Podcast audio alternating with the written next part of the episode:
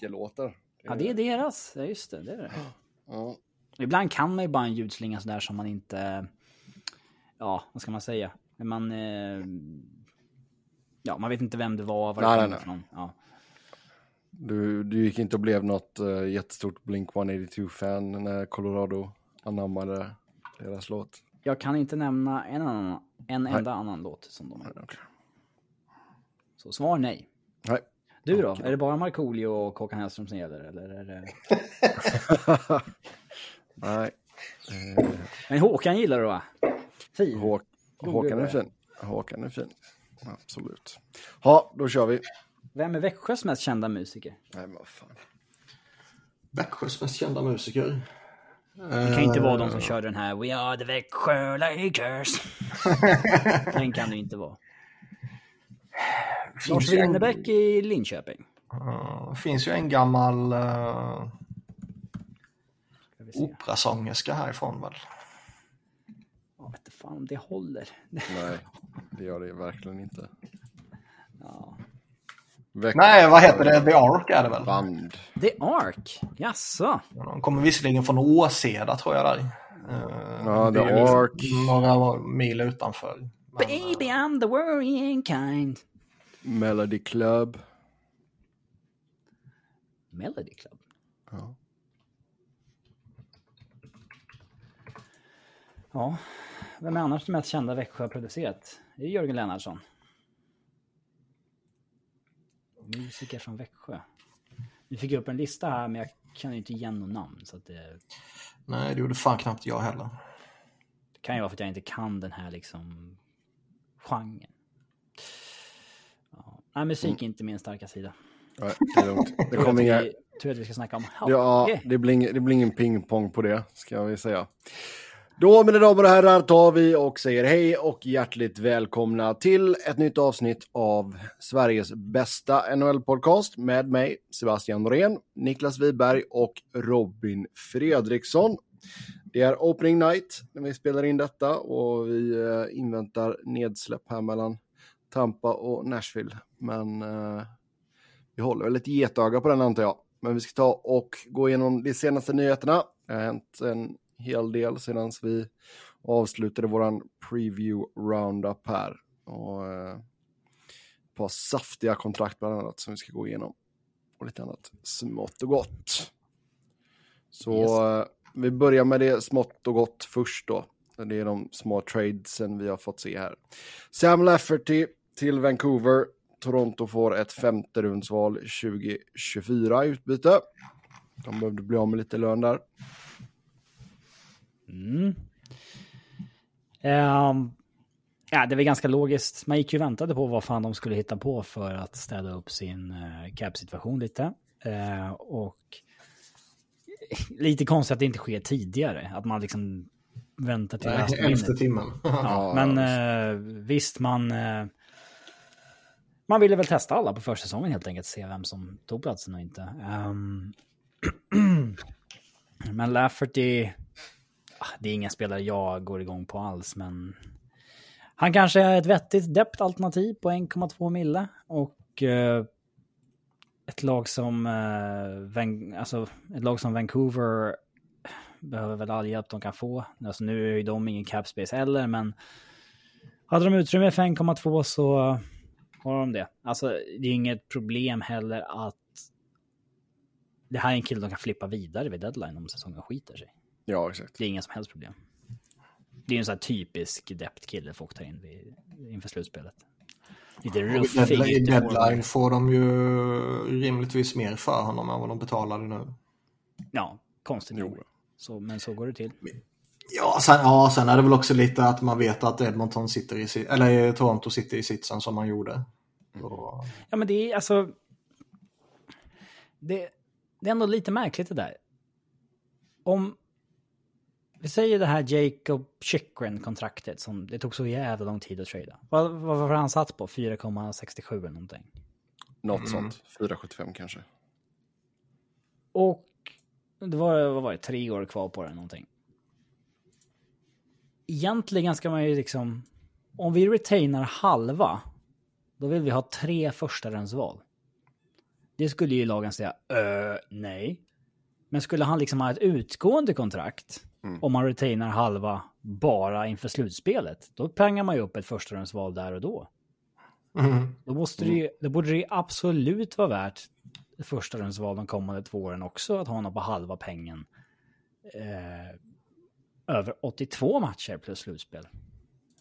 Varför är man så oerhört villig att betala mer just här och nu för en kort period? Är det för att man liksom... Är, Det är ändå en väldig skillnad på att slanta upp ett första val eller tre första val. Alltså, ja, det är lite som... tre, tre första val är ju... det är liksom tufft att göra det. Alltså, du tömmer ju dina... Det är jobbigt att veta att du inte får drafta de närmsta tre åren. Ja. Det är lite som man pratar om när alla offer sheets och, och liksom när uh, allt snackar kring Shea Webber och Philly och sådär liksom. Att uh, ge upp fyra som det var i det fallet, första val. Ja. Det förändrar liksom hela tioårsplanen. Ja, när man liksom, vad, vad var det, tre år tidigare hade gett upp två stycken för Chris Pronger och dessutom inkluderat en former first rounder Mm. i traden liksom. Jättesidospår här nu, men på tal om Chris Pronger. Grattis till honom! Så eh, han har ju lanserat, eh, såg jag häromdagen, han har lanserat egen whisky. Mm. Han förlorar idag, det var därför jag sa grattis. Ja, okej. Då säger vi grattis till honom också. Vem Han var- han? Chris Pronger. Jaha. Så han har födelsedag idag, grattis. Och sen har han eh, lanserat en egen whisky. Så jag vä- väntar på att den ska... jag har en bekant i St. Louis som har köpt en flaska till mig. Så den ska vi ta och eh, prova. Får vi prova när vi spelar in helt enkelt. Mm. Vi se om den är någonting att ha.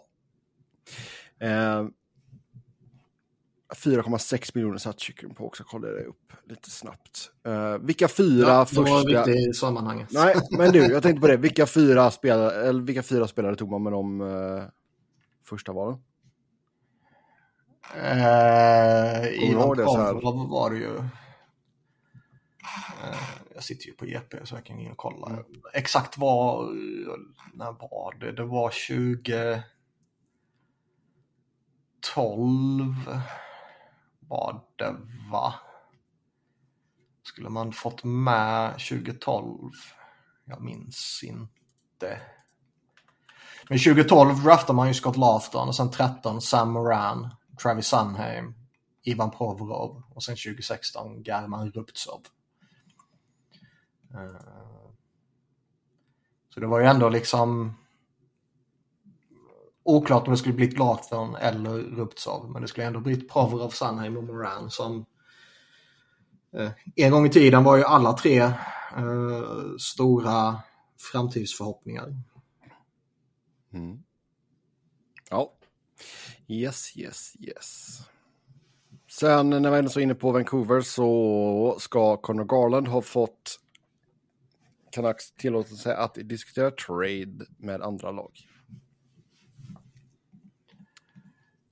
Den är ju också liksom, han har inga klausuler, inga liksom eh, begränsningar på något sätt. Och ändå är det han själv och hans representanter då givetvis som eh, får uppgift att skaka fram en trade typ. De bara löst detta nu. Ja, då är frågan liksom, har, har Vancouver själva försökt så länge och inte lyckats hitta någonting liksom? De lyckas inte övertyga någon eh, motpart att han är eh, bra alternativ att trada för. Ehm, eller liksom är... eh, eh, hur länge har Alvin varit GM nu? Det är rätt många Eh, år. Nej, det är två säsonger. Ja, två, tre år känns det som. Jag blandar fortfarande ihop Patrik med Viktor. Ja, det är Patrik som är GM. Ja. Kul för Viktor är inte så relevant längre. Nej. Ehm, vad heter det? Nej, eller bara liksom pallar han inte eller har man liksom försökt så länge så att man inte pallar fortsätta och därför säger åt honom själv att liksom ja, ja, nu får ni ta över. Typ. Sälj in dig själv till något lag. Men alltså, vad, jag har lite, som, lite för svårt att förstå vad... Visst, han kom in under tidigare regimen i Vancouver. Men det känns fortfarande liksom, vad trodde de att det var för spelare de fick in liksom? Han är väl någonstans där, 50 pinnar om du har flyt, strax runt 20 baljor. Ja, 20 mål och 50 pinnar, det är väl där han har varit. eh, Liksom plus minus lite och sådär om man tar det på 82 matcher. Och Mm. För strax under 5 miljoner så jag menar, det är ju inga pengar på dagens marknad. Så man tycker det, det borde inte vara omöjligt att trada honom. Sen visst, hela ligan, eller inte hela, men eh, en stor del av ligan ligger ju precis upp mot capen. ju. Så det, ur den aspekten är det väl antagligen då svårt. Men Ja. eh, jag vet inte, det, det är liksom ingen jag skulle ta in med, med liksom förväntningar om att eh, nu ska han lyfta oss, liksom. Nej. Givetvis. Däremot så är det väl en, eh, en klart rimlig spelare att ta in för lite secondary scoring eller någon supporting road eller något sånt där. Ja. Ja, ja. Men det är också Vancouver och även om det är en ny ledning så är man ju skeptisk till det mesta som Vancouver gör och eh, det kan ju vara att de har helt eh, absurda eh, krav på utbyte. Jo, så kan det vara. Och lite väl stora förväntningar av honom som spelare kanske. Vi går till Colorado. Där har man hittat sin målvakt via waivers. Det blev Ivan Prov Provetsov som man plockade från Arizona. Och sen eh, trädde man till sig Caleb Jones från Carolina i utbyte mot Callahan Burke. Ja, uh, märklig, uh, Ska vi börja med dagar där. Provetsov? Att det börjar med, man visste ju nästan att de skulle plocka en målvakt. Mm. Med tanke på att François skulle hamna på waivers. Och eh, vi var inne på det ganska tidigt att de väntar nog ut den här... Inte waivers. Nej, François Ja. på TIR som väntar nog ut Mm. waivers. Och eh, eh, se vad som blir tillgängligt. Det fanns ju Alex Stalock, Martin Jones och den här snubben. Då. Eh, och man valde uppenbarligen den här snubben. Eh, Mm. Han är väl inget eh, att gå igång på alls, men... Eh, Han man kan jula bara- har jag sett. Ja, alltså man har ju bara råd med en billig målvakt, så det får ju bli det liksom. Och så Ja. får man ju köra in i kaklet på den gubben man har. Eh, det är väl inte mer med det. Sista backsituationen är också intressant, för där, där var man ju inne på eh, att de kanske skulle claima Caleb Jones på waivers. Eh, men de gjorde inte det. Sen så blir han assignad till Colorados farmarlag, men tillhör fortfarande eh, Carolina. Mm. För de har ju inget. Nej, de har ju inte. De har ju lånat ut spelare till olika AHL-lag lite till höger och vänster. De skickade ju... De var ju tvungna, tvungna att skicka ner gubbar till ECHL på pappret.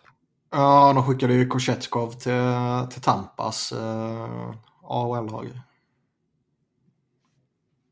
Vilket gjorde att folk som inte är så insatta fick panik på Twitter och tänkte liksom Hallå, varför lånar de ut honom till att spela för Tampa Bay Lightning? Ja. det var ju också lite skoj. Ja. Japp. Men ja, Ja, men alltså, sen när han väl hamnade i Eagles, då var man ju så här, vad fan. Varför ska han spela i vårt farmarlag och ta upp liksom 25 minuter från en av våra spelare som kan eh, utvecklas? Det är ju bara dumt liksom. Ehm, men sen så fick man ju den här traden där han liksom går och tillhör oss nu i utbyte mot en kille som ja, ska vara kvar i vårt farmarlag för att de har inget farmarlag att skicka honom till. nej. Så att det enda som hände var ju att man bytte adress på Caleb Jones. Ehm, så det var ju intressant. Uh, känns som att det kanske var en plan när han hamnade på waivers. För hade man claimat hade man inte kunnat skickat ner och ja. eh, man kanske kom överens om den här planen redan då med, med eh, Carolina. Mm. Ehm, så att eh, Nej, alltså på pappret är han en mycket mer intressant eh, sjätteback än Jack Johnson. Jack Johnson är ju liksom ordinarie vid eh, full trupp. Och det är inte så, alltså, Nej, det är väl Johnson sexa och sen uh, Curtis McDermott sjua, eller? ja, de har sagt att de inte ska spela Curtis McDermott som back i år. Nej. Eh, det är något de vill undvika. Ja, Kanske, ja, undvik Red att spela honom överhuvudtaget. kommenterade och då framstod det verkligen som att fy fan, Really helvete, det där vill jag verkligen inte. Ja, exakt. Ja, ni inser att han bara kan slåss i alla fall. Eh, ja, det, så att, nej, men här tycker jag väl att man löser det bra. Man hade ju typ en och en halv miljon i cap space som man lyckats få in sin reservmålvakt och en sjätte back som faktiskt har lite intressanta siffror och sådär. Alltså det... Hellre det än... eh, Alltså senaste åren har man ju... Man har valt lite konstiga sådär, alltså sjätte, sjunde alternativ. Så att eh, det, här eh, gick jag igång på lite mer. Mm, ja, men det förstår jag. Eh, Prosvet har vi ju, han är en ganska stor pojk va? 1,91. Ja, tunn är han. Är, ah, jag vet inte. Men eh, annars är det Justus Annunen. Ja, som är deras målvaktsprospect. Ja. Han är ju waiver exempt också, så honom kan de ju skicka ner till Eagles. Ja, det är lika bra att han startjobbet där. Ja, ja, ja. Men du är nöjd då med hur man löste detta. Det var ju kul. Mm, absolut.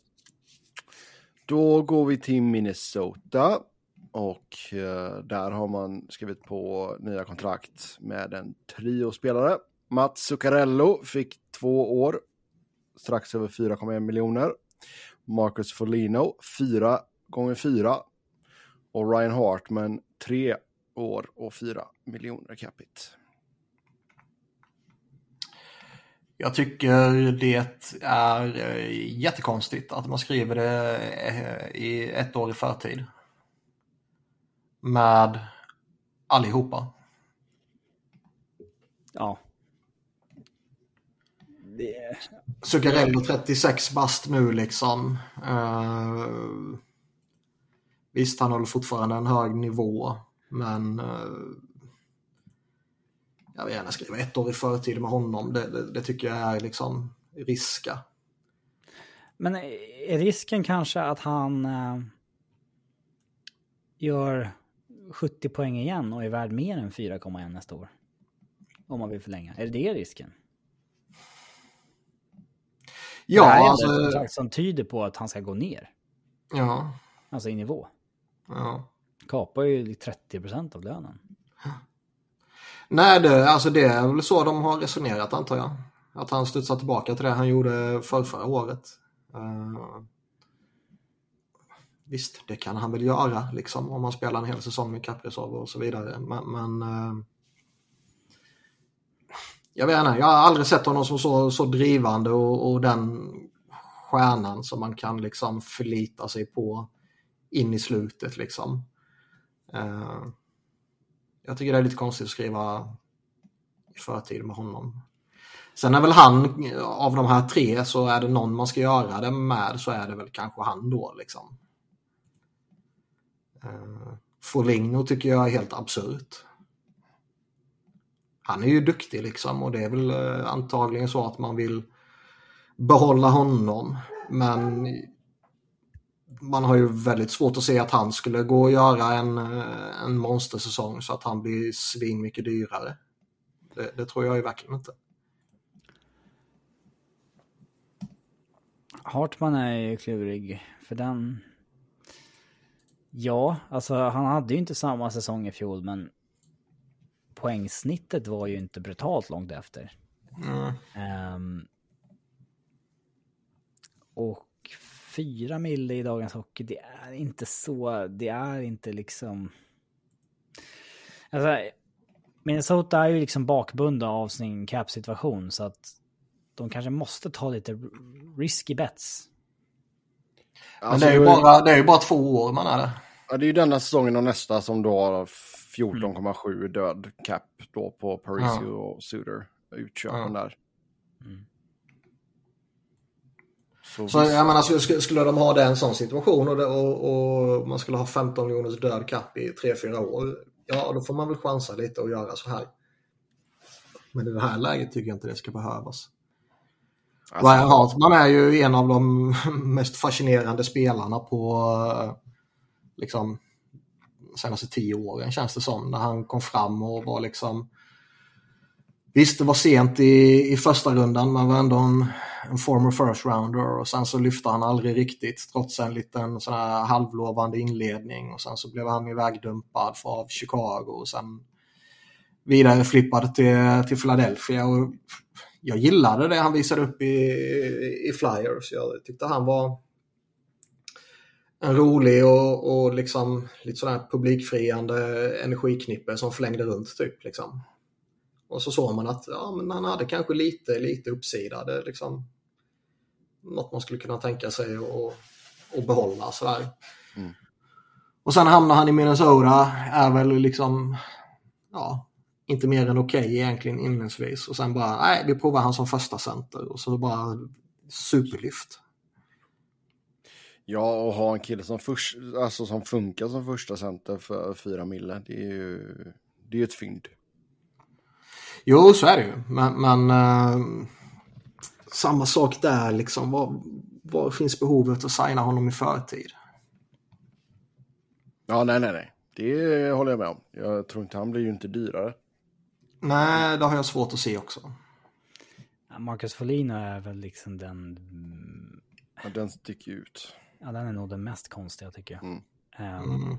Tror man att han vid 32 års ålder ska höja nivån så mycket? Han hade ju liksom en dålig säsong i fjol också. Mm. ja. Den, och han är liksom gammal, han är 32 bast och får ett fyraårskontrakt som kickar in nästa säsong. Alltså den... Eh, ja, den är nog den mest suspekta av dem alla. Mm. Man kan ju lugnt säga att Minnesota har sin uh, core på plats nu. Han fick ju, Foligno har ju no movement clause på sitt eh, nuvarande kontrakt sista året och han fick ju det på nästa kontrakt också. De två första åren och sen uh, modified no trade clause och tre och fyra. Ja. Vilket innebär att då liksom slänger man in sånt också så innebär ju det då att man kanske får eh, han får det för kompensation att han kanske tar lite lägre cash. Får man anta borde vara en förhandling liksom. Mm.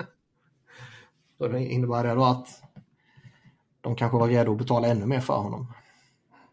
Ja. Ja.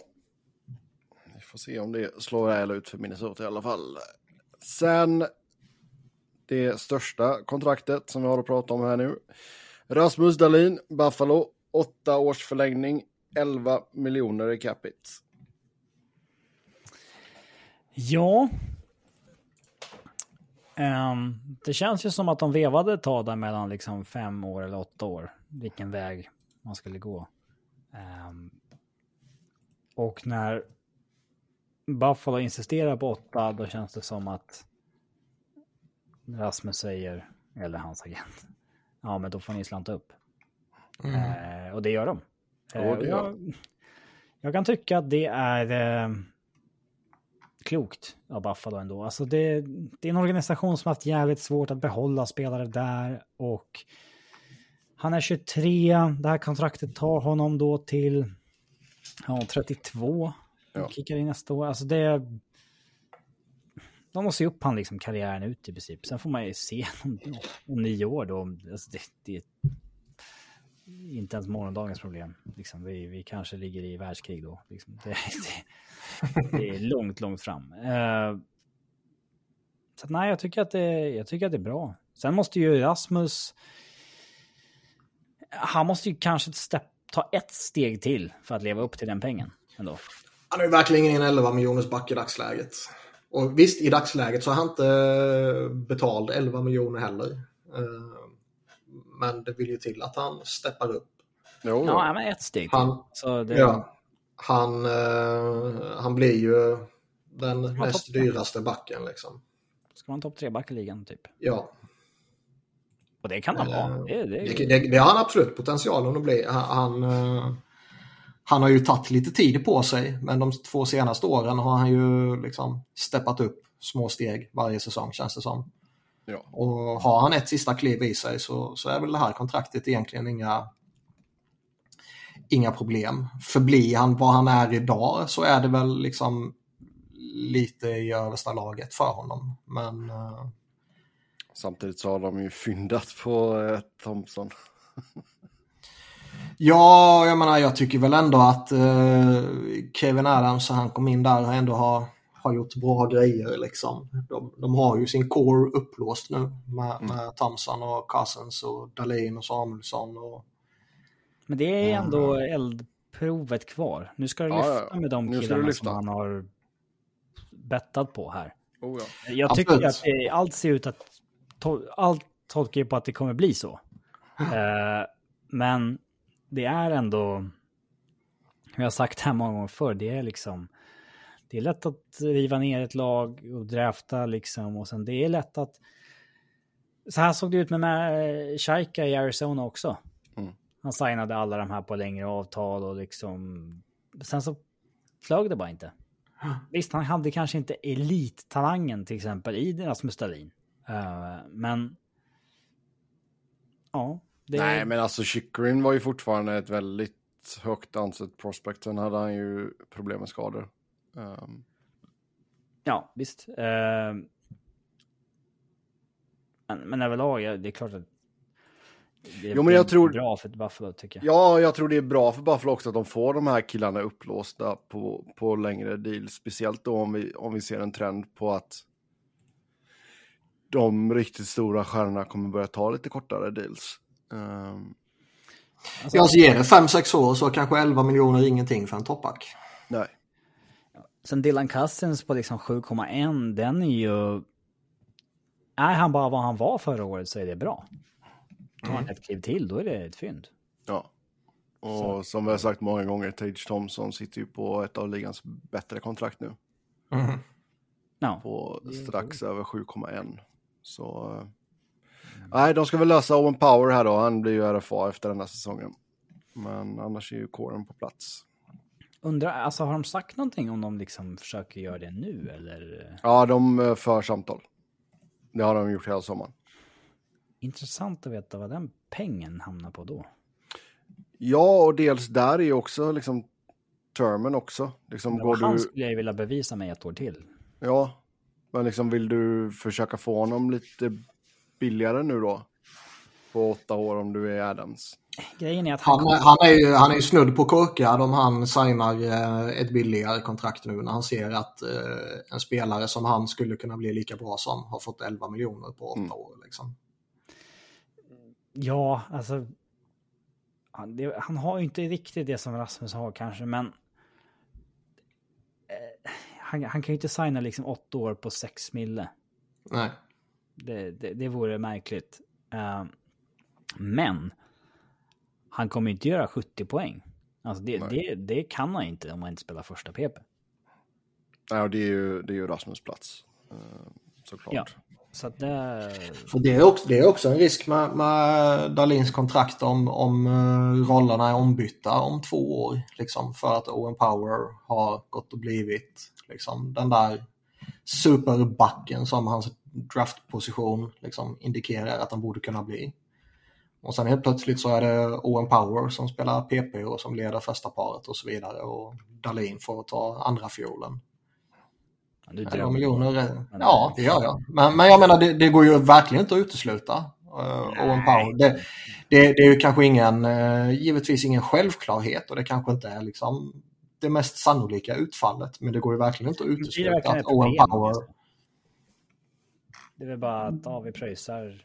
Ja, nej, det, det, är, ju- det är ju inget problem liksom som att, att ha två sådana superbackar. Det, det har vi ju pratat om många gånger tidigare liksom och, och vad det har gett i, i, i vilket utfall det har gett rent historiskt. Liksom. Att har du två sådana så, så kommer nästan alltid framgången och, och väldigt ofta kommer kupptitlarna, eller i alla fall en också. Mm.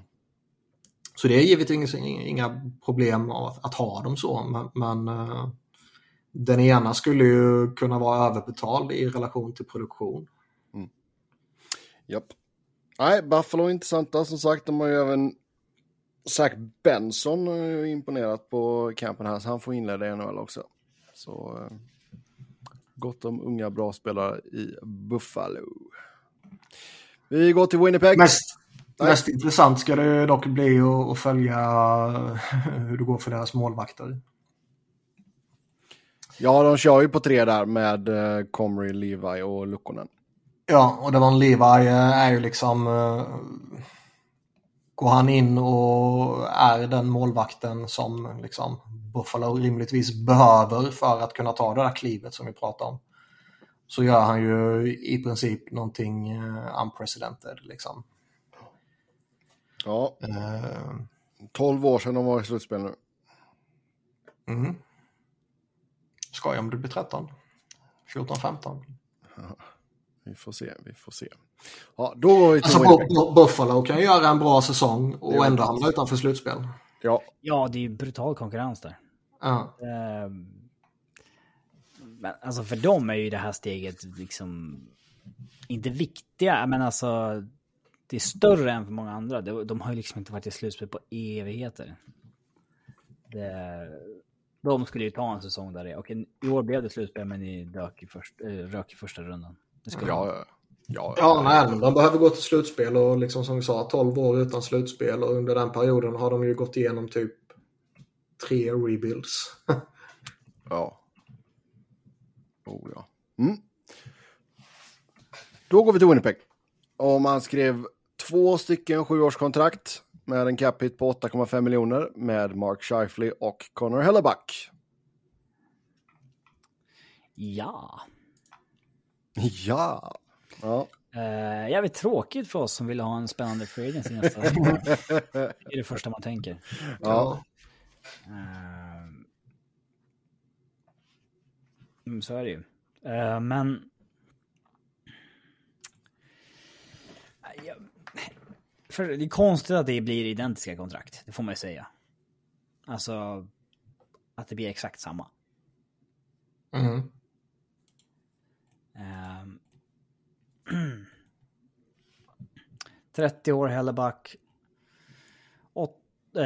7 år, 8,5. Högsta laget för målvakt. Men samtidigt det är inte Brobovski-pengar. Inte. Carey Price-pengar för några år sedan. När capen dessutom var lägre. Eh, jag vill inte betala såna här pengar för en målvakt, men Helleback, det går ju liksom inte. Det är det som gäller om du ska signa honom med tanke på vilka resultat han har senaste sex åren. Jo, men lite så är det ju faktiskt. Och det... Winnipeg är väl också... Jag menar, om Buffalo har svårt att, att signa spelare så är det väl liknande situation i Winnipeg också. Med tanke på vad Winnipeg är för typ av stad. Eh, Ja, och allt snack det har varit eh, sista tiden också om att han, eh, Har de fått det? han ville söka sig. nej. Att han, nej, men allt snack om att han ville söka sig bort och framtiden var högst oklar. Och liksom samma grej med Scheifele där det har varit snack fram och tillbaka rätt länge nu. Eh, både, det är ju väldigt förvånande med båda två. Ja. Sen är det ju liksom... Eh, just med Hellback är det väl lite intressant sådär att jag, jag tycker inte att han är, som vi har konstaterat tidigare, någon som man kan eh, sätta sig i en situation där man riskerar att tappa honom utan ersättning. Det är fireable offense. Så antingen behöver man ju signa eller trada honom. Och eh, trada honom i dagsläget är nog lite halvsvårt. Eller ja, innan förlängningen då liksom. Mm. Eh, lite begränsad marknad och, och många som inte söker målvakt och det är eh, tight mot capen och så vidare. Så, och då är kanske valet att liksom, jaha, då ska vi riskera att tappa honom utan ersättning och han vägrar förhandla under säsongen. Han vill ha det klart innan i så fall. Eller ska vi signa ett kontrakt som är lite dyrare än vad vi egentligen är bekväma med kanske och lite längre. Det kanske ändå är rimligare att uh, signa honom då. Ja, Om man tänker liksom uh, Cheval Dayoff och hans job security och så vidare. jo, det är klart. Och jag menar, han... Jag vet inte, kommer han vara kvar där om fem, sex år? Nej, förmodligen inte. Ja, det hade man sagt för 5-6 år sedan också. Ja. Men oddsen är emot. Mm. Shifley-kontraktet... Alltså, jag vet inte, det, det, är alltid mer risk med målvakter för de... Det kan hända vad som helst med dem. Liksom. Uh, men Scheifly... Visst, det är en mål... Uh, hans målgladaste säsong i fjol. Men det är inte en, det är inte en point per game-spelare. Liksom, det är... Ja, han har varit det några säsonger så här. Ja, alltså han kommer nog inte vara det kommande åren, tänker jag. Eller? Han är inte riktigt... Alltså för min del, är han den där ettan? Alltså det är väl sällan man tar det steget i 30 års ålder. Han, han har ju liksom varit etta. Alltså, men, Han, är, han är väl en etta, men han är ju kanske... Inte en av de bästa i ligan. Nej, exakt. Uh, det är mera risk i det kontraktet. Det är mycket risk i det kontraktet, men jag... Jag förstår ju absolut varför Winnipeg signar bägge två här. Jag hade ju tryckt på den knappen också. Jo, ja. Ja, det gör man ju. Sen, är, sen kommer det ju med den här dimensionen som vi sa att eh, det har varit så mycket snack om båda två. Och lite, lite, eh, vad säger man, kring Scheifele har det ju, alltså kring well, Hellback har det väl mest varit att ja, han kanske vill göra något annat om jag fattar saken rätt. Typ. Mm. Att han inte är säker på om han vill stanna typ. Men eh, Scheifele har det ju varit lite sån här eh, tugg om lite, eh, vad fan säger man? Eh, inte bråk och inte så, men, men liksom lite... Ska han ha varit en av lockroom issues-gubbarna? Ja, har det inte varit snack om det? Jag vet inte. Det, var, det enda man har, verkar kunna summera det var ju att Blake Wheeler var en av dem. Han verkar ha haft svårt att hantera att han har gått ner i nivå. Ja, Mm. verkar inte ha kommit överens med Rick Bonus. Jag vet inte vad om Shifley sa någonting om, om Bonus ord efter de hade åkt ut. Kommer jag inte ihåg. Nej, ingen aning. Men det känns ju som att relationen mellan han och liksom organisationen inte alltid har varit klockren. Och visst är man en spelare som eh, plötsligt får, eh, fan blir 8,5 gånger 7. Det blir så mycket som Är det viktigt? 59,5. Och Niklas Miljoner. matte. Nej, det gjorde jag inte alls utan jag gick in på Cap Friendly. Okej. ja. Eh, då lagas eh, eventuellt sargade relationer jävligt kvickt. Oh ja. Det lär de göra ganska snabbt då ja. Och jag, och jag vet inte, skulle, skulle, han hamnat på, på Free Agency? Skulle han få 8,5 då? Ja, alltså skulle, skulle, skulle han gått ut på Free Agency och sen sitter vi och tittar på alla liksom pending UFAs och så sitter man och spekulerar lite vad, vad kan han få, vad kan han få liksom. Mm. Skulle man sagt 7 gånger 8,5? Jag vet fan. Visst, det beror på vilken säsong han kommer ifrån. Liksom. Gör han 42 mål igen och du vet, gör han sina 20-30 mål och 40 assist liksom. Också på om det är en sån här säsong när det är typ två lag som ens har 8,5 att ge ut. Ja. Så det där påverkar ju. Oh, ja. ja, annars så det är inga sign-on bonusar för Scheifele i hans kontrakt. Helleback får 5 miljoner i sign-on nästa säsong. Annars inga andra sign-on bonusar för honom heller. Så, japp. Sen går vi till Orange County och Anaheim Ducks. Där fick man löst kontrakten med Trevor Seagrass och Jamie Drysdale. Seagrass 3 år 5,75 miljoner. Drysdale 3 år 2,3 miljoner. Jag eh, tycker väl att det är två rimliga kontrakt, eller väldigt rimliga kontrakt till och med Jag skulle för, säga att eh, det är väldigt bra löst av Verbeek. Ja, för, för, ehm, för Anaheims del så är det väl väldigt bra. Eh, för Seagrass del så är det väl liksom okej. Okay. Vi pratade ju om det vid, vid något tillfälle, liksom, att ja, han är ju supersevärd och en av de i ligan som är roligast att titta på. Men liksom, produktionen har ju inte varit där för att eh, försvara riktigt stora pengar. Så nu har han ju en liten bridge deal på sig och bevisa att han ska ha de riktigt stora pengarna. Eh, Drysdale tror jag ju fortfarande har en, en bra och fin framtid och skulle kunna vara liksom, ankare på, på blå och hela köret för Anaheim i många, många år. Men eh, han kommer ju också från en förstörd säsong. Ja, exakt. Och det är ju, jag tror det är ju därför han det börjar med en tvåa och inte en trea. Ja, det är ju det som gör att han får ett, eh, ett jättelitet kontrakt här. Vore jag däremot han sen så kanske jag skulle varit lite missnöjd ändå med att det blir så pass långt som det ändå blir. Ja, där vill, alltså är du hans läger så vill du väl ha ett tvåårskontrakt max liksom? Ja, ett eller två år liksom. Och betta lite på sig själv att man kommer att vara frisk och man kommer att göra sina poäng och sen mm. så jag menar, det är ju verkligen inte orimligt att han nästa sommar skulle vara en liksom 6 miljoners back. Nej. Så det, det, där tycker jag väl att eh, där, ur hans eh, aspekt så borde väl han vara lite, lite missnöjd. Sådär, liksom. Sen, visst, han, med all sannolikhet så kommer han väl rimligtvis få jättebra betalt på sitt nästa kontrakt och det blir några år bort så det är ju inte hela världen egentligen. Men, uh...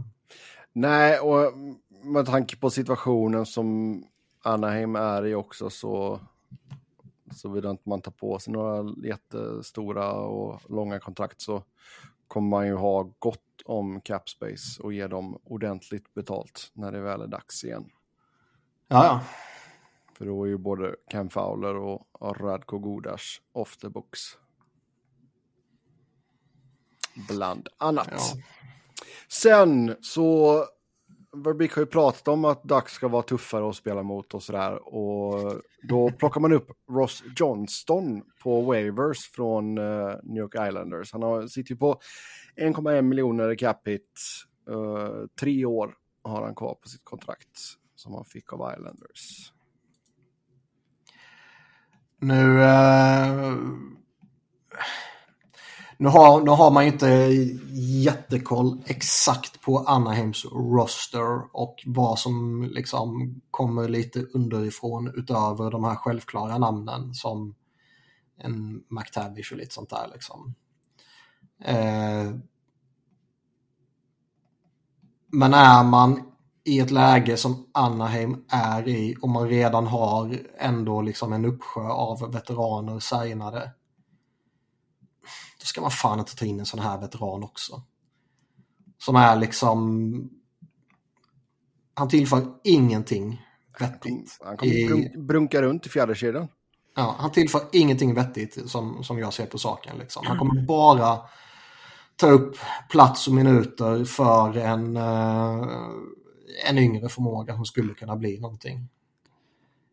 Alltså de har ju, alltså det är klart att du måste ha lite veteraner i den här... Uh, ja, ja, men de har redan rätt många. Ja, exakt. De har ju de, det. Uh, kanske inte den typen. Uh, Nej, det har de ju inte. Men den typen tycker jag också är grovt överskattad. När den typen dessutom inte kan göra något annat. Ja. Alltså, du kan hitta den här typen utan att ta en kille som sitter på treårskontrakt. Ja.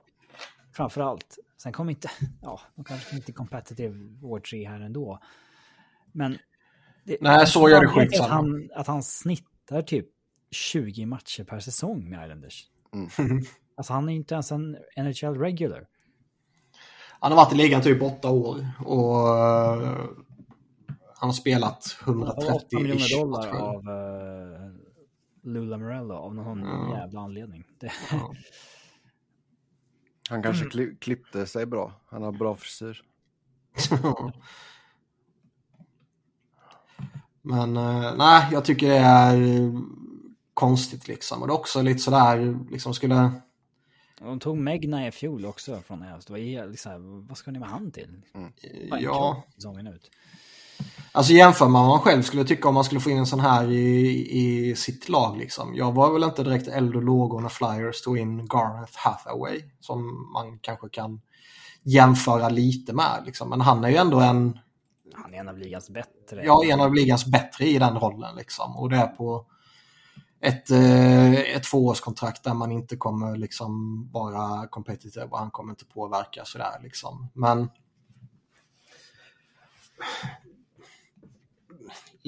ändå liksom sådär, ja, nu ska vi spela han istället för liksom en Tyson Forster eller Bobby Brink eller något sånt där. Och det tycker, tycker man inte heller liksom, det, det borde inte vara eh,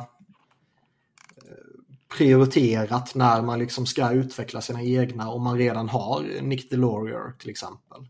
Nej. Och det är samma sak som med, med det här snacket som att eh, de eventuellt vill ta in Matthew Joseph från Ottawa. Liksom.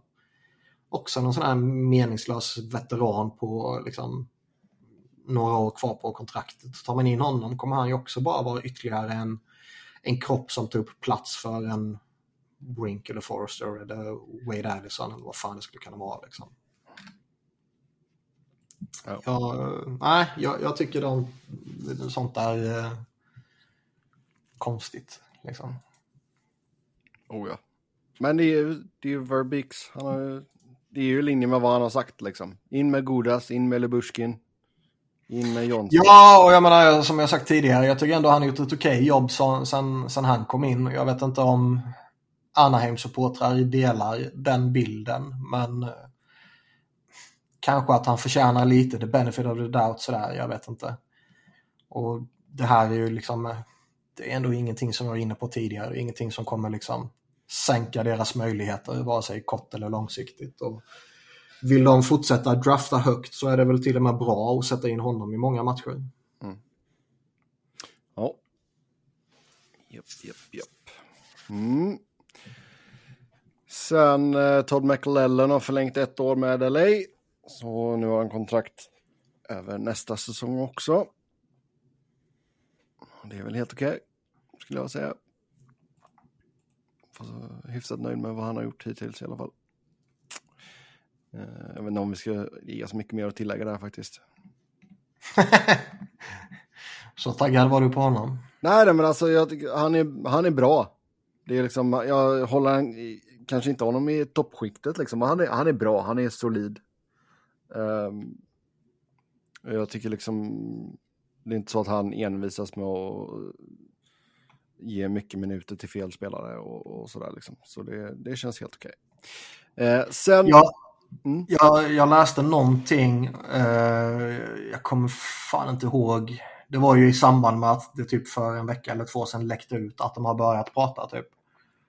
Och att det rör sig om kortårs, eller korttidskontrakt. Och att det i så fall skulle göra att McLellans kont- nya kontrakt liksom går ut samtidigt som Rob Blakes. Ja. Kan det ligga någonting i att liksom ledningen tycker att eh, okej, nu har ni varit här hyfsat länge, nu behöver ni, eh, eller nu behöver laget ta det här, det här klivet igen. Liksom. ja, det är Och så. gör, gör inte laget det så kanske vi behöver se oss om. Absolut. Absolut. Jag tycker väl att du ska ta ett steg till i, i år. Det är svårt med de, de jävla målvakterna man har, men det... Eh, jag vill väl helst att man ska ta eh, liksom stabilt slutspelslag eller ta en slutspelsplats liksom och det med råge. Och sen gärna vinna en runda i alla fall. Mm. För man har haft Blake sen sedan 17-18 och McLellan sedan 19-20. Och eh, visst, nu var man ju under en, eh, eh, vad heter det, under en rebuild i, i en hel del av de åren. Men eh, det är liksom ändå en... Eh, Ja, och på pappret så har man ju gjort den jävligt fint tycker jag. Eh, Ja, det tycker jag också. Men, men man har ju liksom, visst det kanske inte, planen var kanske inte att man skulle ta det där klivet för liksom redan så att säga. Men man har ju inte gjort det. Utan visst, man gick till slutspel, men, men det har ju inte blivit några jätteavtryck i slutspelet. Liksom. Nej, exakt. Och det är, det är väl just det nu att du, du ska ha lite högre förväntningar. Som sagt, jag, jag tycker det är godkänt för att vara gå till slutspel, vinna en runda. Och sen vara en lösa den jäkla målvaktssituationen och sen vara en legitim utmanare under Kopitars två sista år. Liksom. Sen är det väl i och för sig intressant också. Det, det, är väl liksom man har draftat så pass bra. Man har tagit sig igenom eh, rebuilden på, på ett uh, vettigt sätt ändå liksom. Och uh, fått mycket beröm på många håll. Men det är ju inte många spelare från den rebuilden som nu är framme i liksom, betydande roller. Nej. Det är väl ingen? Nej. De Ja, Ka- Kaljev möjligtvis. Jo. Det har till och med varit lite floppar i... Ja, floppar i Byfield och sådär. Så jag menar, är det ingenting som börjar liksom, man ser resultat av den rebuilden, av, av det man liksom ändå investerade mycket i, så kanske också det är någonting som kan eh, ge någon konsekvens. Liksom. Jo, ja. Alex. Det, det, är ju, det är ju gamla de gamla gubbarna som var här sedan tidigare eller liksom spelare man har förvärvat via trade eller free agency som liksom driver laget. Ju. Mm. Så är det. Nej, alltså det, jag tror ändå så att de förväntar sig Byfield som sagt lär ju få en ordentlig chans liksom och nu är det ju lite make it or break it kanske. Sen det är svårt att säga om en 21-åring men det känns så i alla fall. Ja, oavsett vilket kan man i alla fall konstatera att han har inte uträttat ett skit hittills. Nej, och eh, Brant Clarks förväntas ju ta en ordinarie tröja nu har han haft lite problem med skador under försäsongen men Sen är det ju lite logjam också för en kille som typ Turcott liksom. Centersidan är ju för bra just nu för att det ska finnas plats för honom. Fast han måste ju producera i AHL först innan det ens blir diskussion. Ja. Eh, nej, alltså det är ju Kaljev är ju den som ligger längst fram, utan tvekan. Utan tvekan. Fan, det var länge sedan man draftade Turcott nu, 2019. Han var ju Sen- duktigt hypad alltså. Ja, Ja, visst. Det var ju till och med, alltså han gick ju femma, men då, det var ju då Avs tog Byron som fyra. Då var det ju liksom så här, det var ju väldigt öppet där. Mm. Vissa hade Turcot som tvåa och vissa hade honom... Det var väl inte en super general consensus med Jack Hughes som etta hos alla va? Vill jag minnas. Det kommer jag inte ihåg. Jag minns fan inte. Men, ehm, nej och sen så... Alltså, inte för jag tror att det, det skulle vara svårt för honom att spela till sig en plats också, men jag menar, nu tappar man Fagemo eh, gratis också liksom, eller via waivers. Ehm, så det är också en, ett draftval till där då, som, eller en talang till som, ja, det blev inget i Kings. Mm. Så vi får se lite där. Så visst, absolut, det kan finnas lite press på Robert Blake, absolut. Sen nytt snack om en framtida expansion med fokus på Atlanta. Another one. Det, det verkar ju på fullast allvar som att det är ett, eh, ett huvudalternativ. Liksom. Ska, ska de heta Thrashers igen då eller? Ja, de hette ju Atlanta Flames och sen blev det Calgary Flames. Och sen kom Atlanta ju the third. Thrashers. Eh, och det är ju liksom, det är ju absurt att de så ofta går tillbaka till liksom, städer där det inte har fungerat. Det är som att det är någon Tidigare. prestige i det. Ja. Sen vissa är det väl liksom, eh, vissa marknader är ju attraktiva och saker kan förändras på 20 år. Liksom. Så är det Ja, givetvis. och vissa marknader skulle kanske inte ha lämnats en gång i tiden, Ja, men en ja. ägare ville det bara. Och så. Typ Quebec. Alltså, Ja. Sen är, sen är det ju också som jag för mig vi har nämnt att det är ju något av de här eh, tv-bolagen som sänder nu som har sitt huvudkontor i Atlanta. Det, TNT. Det kanske, ja, det kanske Det, alltså, det, det tycker jag inte ska spela det roll. Nej, det kan man tycka. Men, men eh, jag skulle ju inte hålla det som osannolikt att det är en av flera faktorer. De, eh, de har ju en arena på gång som eh, i alla fall baserat på sådana här eh, framtagna liksom, bilder på hur den kommer se ut. Kommer se rätt frän ut. Ja, men då är vi där också igen liksom. Ska vi... Ett, jag vill inte ha ojämnt antal. Nej, det är... Oh, fan, alltså, Och då ska vi pilla in fyra nya lag då.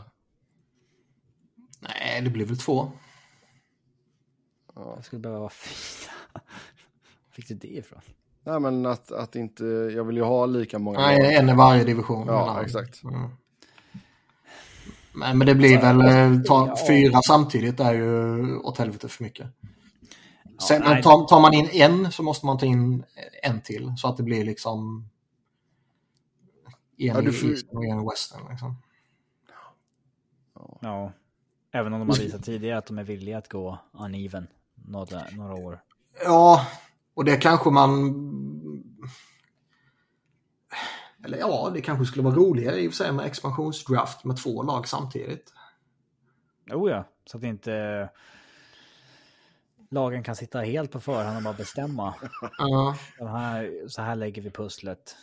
Ja, Ja, Det blir en exakt. draft på riktigt. När, var det för, när var förra gången vi hade två lag som kom in vid expansion? Colum, var det Columbus, Minnesota samtidigt va?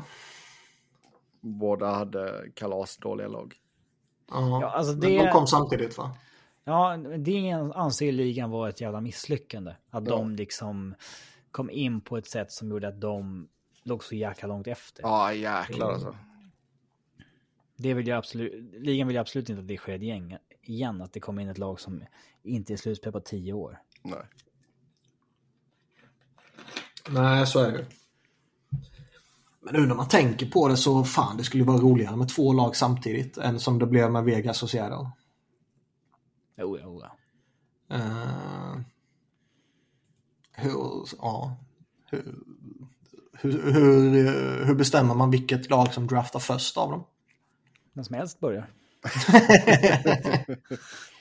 De får singla slant. Ja, eller hur gör man? Tar man ett lag i taget och tar en spelare var och turas om och går först? Eller? Ja, alltså du får ju... Jo, Man får ju jo. nästan ta snake draft då väl? Ja, du får snäcka, absolut.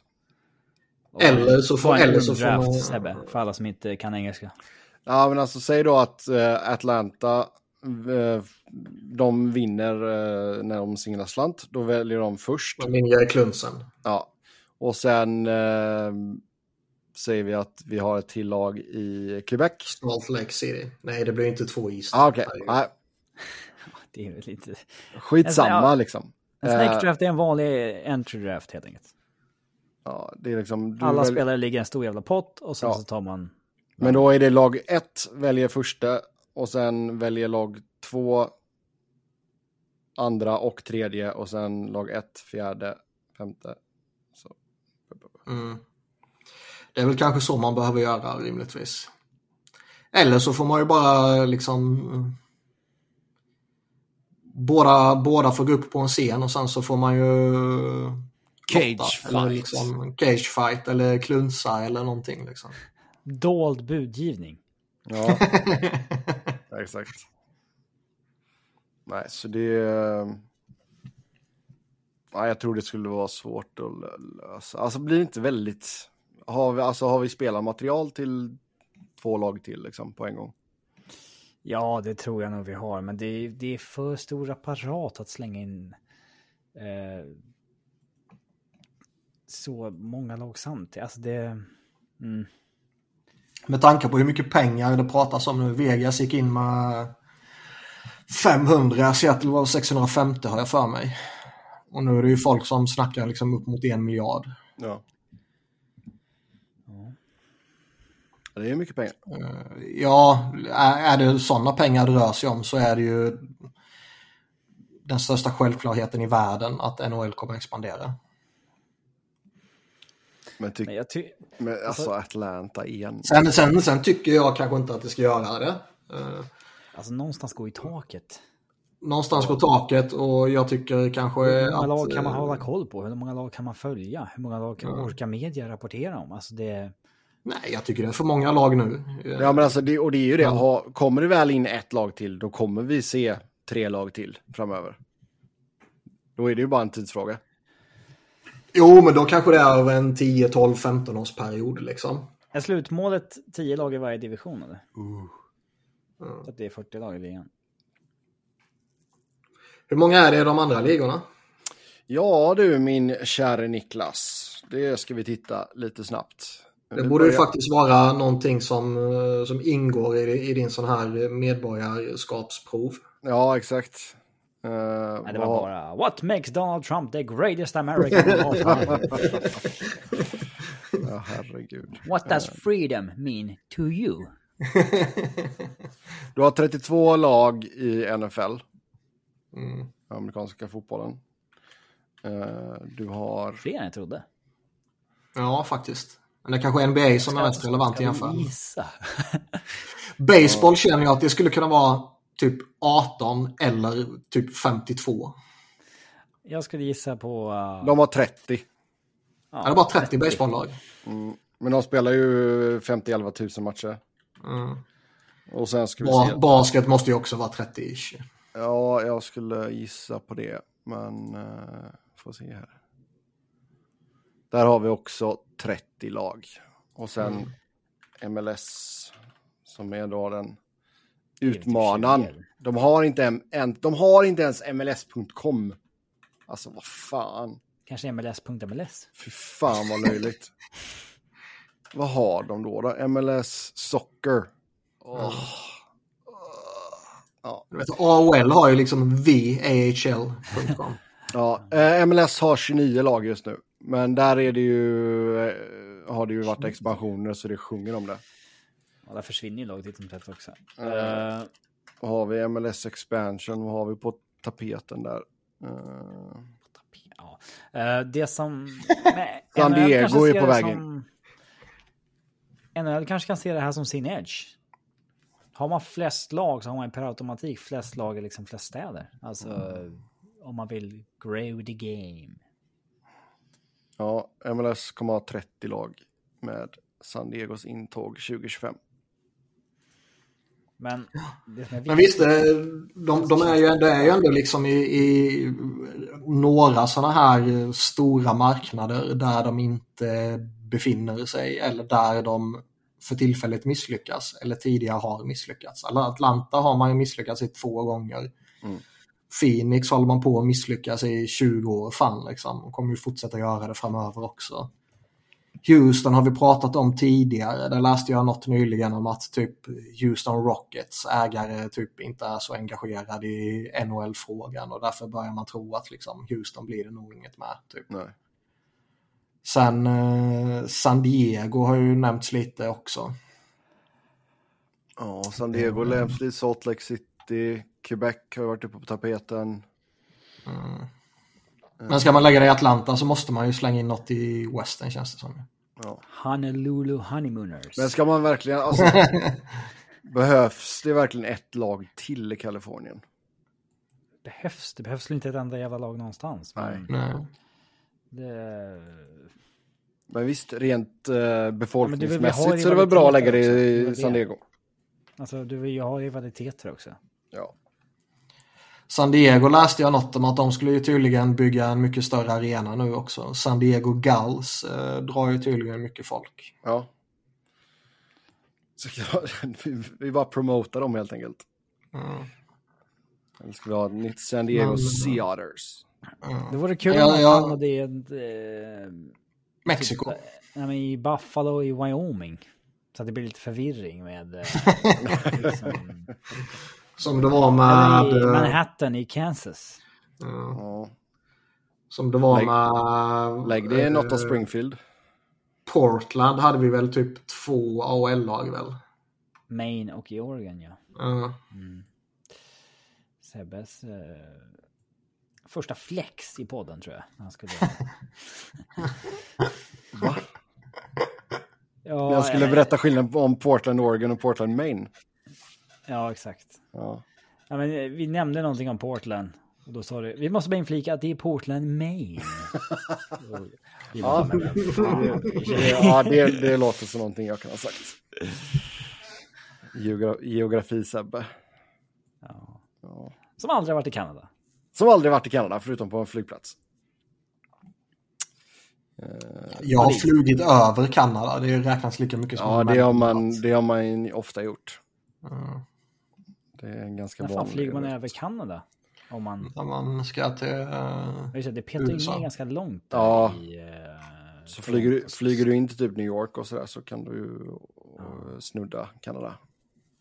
Ja, Hela den här Toronto-slippen petar ju liksom ner in Mm. i USA på något sätt. Ehm, Så, så är det med det.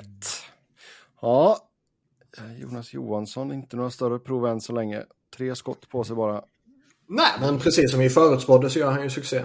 Ja, exakt. exakt. Nyckeln är ju att det inte kommer så mycket skott. Det Ja. Ja. Verkligen. Han har ju typ hållit nollan två raka matcher på försäsongen. Ja, Det är, är tokhyllades. ganska hype på honom. Svensk succén. Fyra skott nu. Ja, eh, sen eh, ska vi släppa expansionsgrejerna där då. Man visste Atlanta rent eh, storleksmässigt och sådär. Det, ja, makes, Visst, visst. visst, visst, visst. Ja, sen eh, vilka predictions vill vi göra inför säsongen? Ska vi tippa lite då? Helt enkelt. Eh, jag har ju gjort mina tippningar på nhl.com sv. Men eh, min största hot take där var ju Filip Gustafsson som eh, Vesna Trophy eh, vinnare. Har ni, Alltså, några, så har ni några hot takes? Ge mig en hot take här nu. Det, är ju ingen hot take, det är ju bara dårskap. Ja, men det är så typiskt att du ska ta en svensk bara för att. Jag fick lite panik.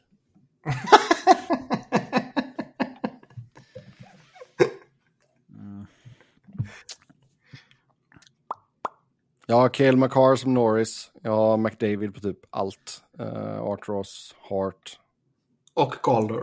uh, Rocket Richard. Nej, vågar här, sätta en del pengar på Bedard. På Carl. safear jag på Bedard kan jag lugnt säga. Det det känns inga, ju som det att inga han, odds han, på det. eh, Det är ju inte värt att betta på en sån grej. Jag vet inte. Du kan säkert lura någon svensk spelbolag på det. Mm. Men han, han måste ju typ bryta benet och bli borta i princip hela säsongen för att inte vinna. Det kan ju hända, så det är inte värt risken. Nej, Mm. Risken. nej kolla på McDavid. Vilken tränare får sparken först? Ja, du vill göra en sån omvänd. Annars har jag Rod the Bod Brenda Moore som min Jack Adams. Vilken tränare får gå först? Uff. Ja, du. Uh, alltså Babsan har ju redan fått gå. Så jag menar, där var ju första Men han liksom. gills inte. Vem är den andra tränaren som får gå? Mm. Ja, du Robin Fredriksson. Jag undrar vad som händer i Ottawa. Om inte Ottawa... eh, Smith. Ja, han har varit där Ja. ett tag nu. Både Smith och Pierre Dorian. Folk börjar ju spekulera lite. De tog ju in eh, Steve Staios. Som eh, blev han ASGM eller vad fan blev han? Jag ska nästan få upp listan på coacher här så att man liksom Mm. ser allt framför sig. Är det inte en liten förväntan på att Arizona ska ta ett kliv? Det känns som att det behöver byggas på det. Nej. Jo, det är det. President of Hockey Operation blev Steve Stiles och nu har ju liksom folk har redan börjat spekulera lite vad innebär det här för Pierre Dorians framtid och jag tror Dorian kanske har ett år kvar på sitt kontrakt också bara. Då, Så menar, skulle, så skulle, skulle inte Ottawa liksom bli eh, i alla fall så att man är med i racet om slutspelet hela vägen liksom. Men är man avsågade en bit in på säsongen då fan vet inte om båda två kan ryka då. För det är ju ett lag som har investerat mycket, både i assets och i, i liksom pengar man har signat upp spelare på. Eh, nu har man en, två, tre, fyra, fem, sex år utan slutspel. Lalonde kanske? Om inte Detroit lyfter lite. Ja, det, ja, var, nej, han har bara Fast det känns väl, Precis. fast det känns väl som en efter säsongen grej kanske. Ja. Ja, då är jag inte ett alternativ. Men eh, ja, det var fan inte så många liksom heta kandidater då. Nej. Kanske Paul Maurice om de... Nu gick de inte Ah. till final, men Ja, han har nog köpt sig lite. De behöver ju, ja, de behöver skita ner sig fullkomligt de första tre månaderna i så fall. Och ja, för, liksom. så länge de har en matematisk chans på slutspel så kommer de in, intala sig själva att samma sak kan ske igen. Ja, ja. Ja, så den är nog inte så bra. nej. Men säg att, det, säg att det går eh, dåligt för Winnipeg, då kan nog bonus uh, ryka. Säg så här. Om eh, Pittsburgh inte flyger första halvåret. Alltså, ja. Han då- fick ju precis förlängt då-. Ja, men då är det typ det enda de kan göra, liksom, nästan. Mm. Och det är ju inte Dubas coach, Mike Sullivan. Nej. Nej, men eh, alltså han fick ju väl förlängt under Dubas väl? Eller var det innan Dubas var på plats? Jag vet inte. Eh, ja, men då kanske det inte är så aktuellt. Annars, det är väldigt mycket nya coacher. Ja, det är det. Men eh, visst, DJ Smith låter väl som... Kanske Fire Lindy igen då, om Devils spelar hackigt. Men den skulle ju kunna ske. Mm. Och sen vet man ju, man, man vet ju aldrig vad Uncle Luke kan hitta på. Eh, om Islanders är avsågade så kan ju Lane Lambert eh, försvinna typ omgående trots att han är färsk. Ja. Ja. Japp. Ja, ja. Ja, Vem blir den sista att få sparken?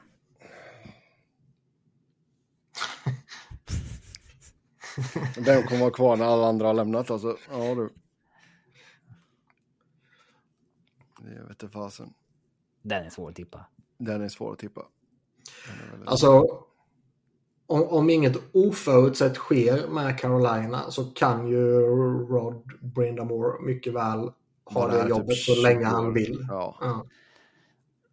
Men det känns som att när han lämnar Carolina, det kommer det vara att han resignar av någon anledning. Ja, Han tar, Mm. Han tar Philly-jobbet. Nej men, nej, men han skulle kunna vara en sån som så här... äh, Gör en Paul Maurice resign. Ja, du menar så ja. och sen ja. så äh, ser vi honom inte på två år. Alla försöker nå, men han bara, nej.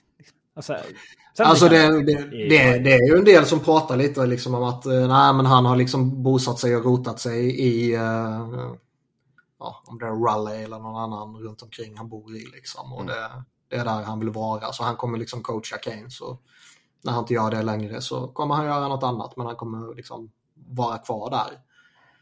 Men så är det liksom, ja, men du vet, hans andra hem är ju Philly då kanske. Han kanske kan, och det är kanske lite önskedrömmar. Och det är klart man drömmer om honom när liksom när tårtan har format klart det här eh, laget. Liksom, och så man ska bli relevanta igen om det är två eller tre eller fyra år bort. Liksom. Det är klart man sitter och drömmer om att de ska slänga lite pengar i ansiktet på Rod Brindamore och locka hem honom igen. Liksom. Det, Ja. Ja, det vill man ju se.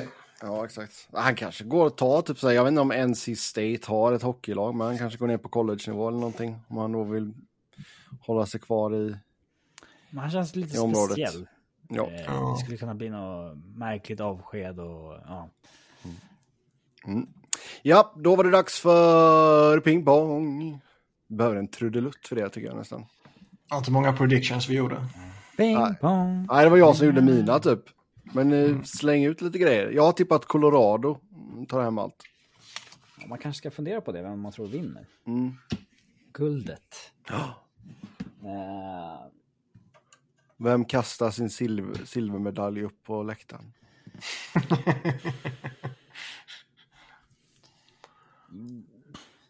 såg ni de här uh, betsen som uh, alla Athletic Writers gjorde?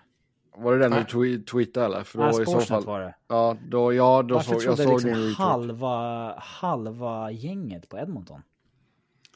För att de måste säga något kanadensiskt för att de är kanadensiska. Nej, det tror jag inte. Jo, jag tror det är an, 20 antingen eh, medvetet eller omedveten. eh, Liksom, Nej, men jag t- tror väl över, alltså överlag så är det ju ganska mycket surr om att 10 av 20. McDavid och Dreisaitl är så jäkla bra så de ska kunna bara ja, lösa detta själva mer eller mindre. 10 av 20. Mm. Det är ju stört. Fyra av sex säger, på NHL säger. Toronto. Nej. Men de är ju, de är ju typ uh, cursed liksom. Fem stycken säger Carolina. Det är ju någon som måste offra en get vid uh, Torontos arena liksom. Det, Det kanske är någon som har gjort det och det är därför de är cursed. ja, kanske. Två som säger Dallas. Ja. Två säger Colorado. Och en ensam jävel säger Los Angeles Kings. Oj, den Eric är, Engels. den är spicy med, det, med Ja, de målvakterna alltså. Ja, han är känd för att vara ganska dum i huvudet. Alltså. Ja. Engels. Den, är, den är riktigt spicy. Ja men da, alltså Dallas. Dallas är inget dumt Det är- sån här nej, det är det faktiskt dark inte. horse uh, Ja. pick. Liksom. Jag tycker absolut att fler än två av 20 borde säga Avs också. Ja. Men jag, det, jag är 100% övertygad om att det, det finns, antingen finns det en, eh, en uttalad eller en outtalad liksom, hint Nej, om men- att ni måste hypa upp kanadensiska lag. Nej, det är klart det inte gör. Jo, det är klart det gör. Inte en chans. 100% garanterad. Nu jäklar ska det vara lokalpatriotiska, fattar ni det? Men alltså, det är klart att i poddarna och det ska de ju snacka om dem. Så är det. Ja, ja men även här liksom. Ja, nu ska ni utse liksom Stanley Cup-vinnaren. Det vore ju trevligt för våra läsare och våra interactions om ni liksom kan få med några kanadensiska lag Ja. på ett hörn. Typ, liksom. Det här är ändå predictions de måste stå för sen. Ja. Ja, Men vad är det, 30, ja det är 30 år sedan. Ett kanadensiskt lag vann. är det mer rimligt att ta Edmonton än Toronto då? Ja, Tio stycken säger Edmonton och ingen säger Toronto. Det, det, eller? Det, ja, alltså det, det kanske är rimligt om det skulle varit liksom 6 Edmonton, 4 Toronto. Mm. Men Ja, som alltså Robin jag- säger, ti- ti- 10-0 är ju anmärkningsvärt. Jag trodde ändå att det skulle vara lite folk som är så här... ah, Dubas-grunden är kvar, men nu får vi det här elementet av att någon vågar gå utanför boxen också. Mm. Och det är liksom en sweet spot här för, eh, för eh, Toronto i år. Det är tree living den sweet spoten. Jag, vet inte, vad är det med Edmonton som har gjort att folk är så jävla höga på dem i år? Ja, det finns väl två, två svar på den Ja, frågan. men eh, de har varit där länge. Varför är det just i år det år? För nu gjorde han eh, över 150 pinnar. Nej, men eh, är det liksom grejen med att Ekholm kom in i försvaret för i, som... Det kan nog vara en del och Stuart Skinner såg bra ut i mål och Ja, men ja, nej, den kan inte ligga till Edmontons fördel. När det gäller... Varför vinner Edmonton Stanley Ja, Cup? För de har Stuart Skinner i mål. Ja, ja. Det- Bättre än vad det varit innan. Fy fan. Varför var Vegas cupen? Ja, de har Aiden Hill i mål. Ja, exakt. Exakt. Jag tror, jag tror det bara är uh, McDavid i är- Det var, ing, det var inga repeats på Vegas. Nej. Det är konstigt, de har inte tappat så mycket. Nej. Ja. Men då tar vi och går till eh, pingpong då. Team most likely to exceed expectations. Lag eller spelare? Uh, team betyder lag. Jaha, team. Jag tycker, okej, ja. Här är det många av dem som säger Calgary.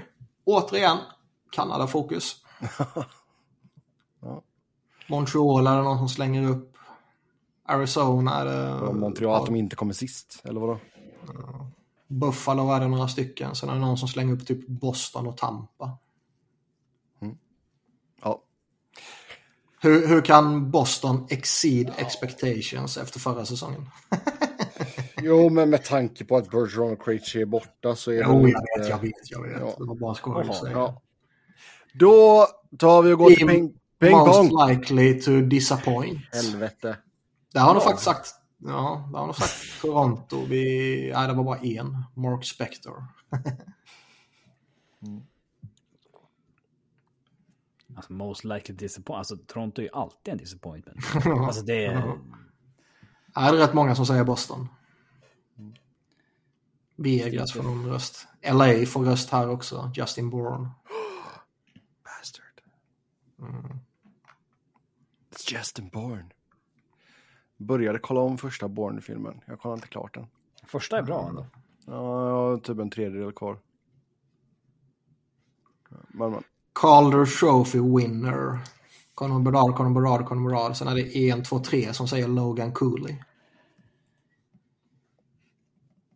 Ja, Det ska så jäkla mycket till för att någon annan än Bardard ska ta den.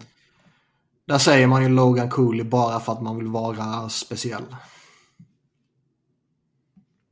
Det finns ju inte en... Det finns ju inte en möjlighet att någon annan än Conor Bedard vinner det. Om, om det inte är så som vi sa tidigare, att han liksom går och bryter benet eller någonting. Ja. Ja. Ja. Japp, japp, japp, japp, japp. Mm. Då... Vesina Trophy, Nej. det är inte en enda som säger Filip Gustafsson. Va? Skandal! Elliot Friedman slänger upp Thatcher Demko. Oj, ja, den är spicy. Annars är det Attinger, Storken och eh, Sorokin som får några röster. Jussi Saros är det någon som får också. Mm.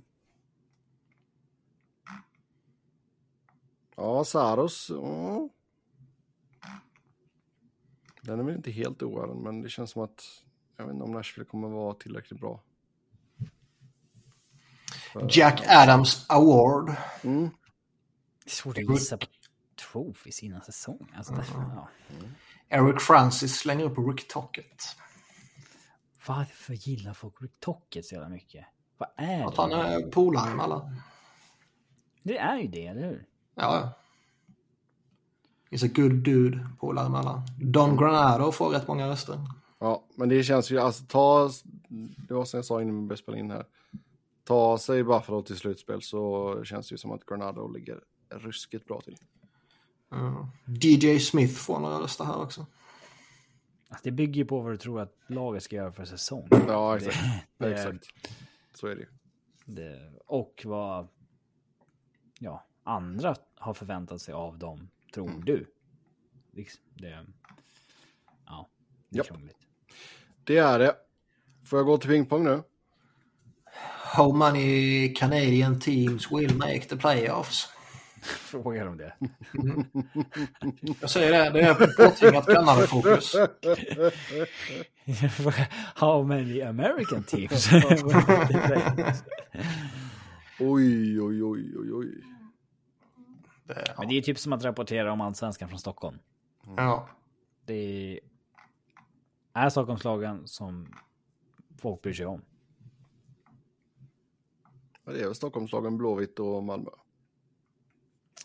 Det är Stockholmslagen folk bryr sig om, ja. Ja, Blåvitt och Malmö. Eh, Ja.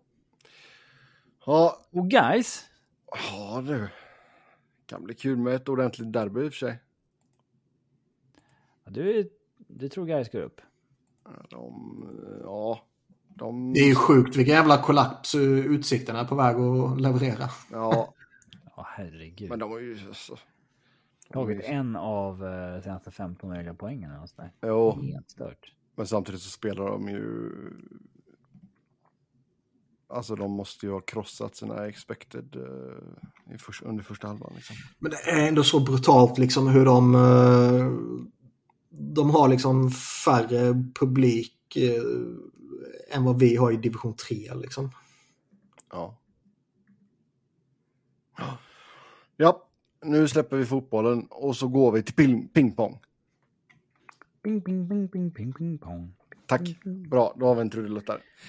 Idag, med tanke på allt snack kring Conor Bedard då, så ska ni säga till mig vilka spelare som gjorde flest poäng under sina rookie-säsonger i NHL.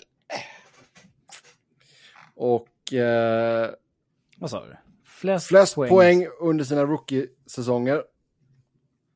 Och Vad menas med det? Alltså bästa rookie-säsongerna genom tiderna menar tack, yes. Jaha. Bästa rookie-säsongerna genom tiderna.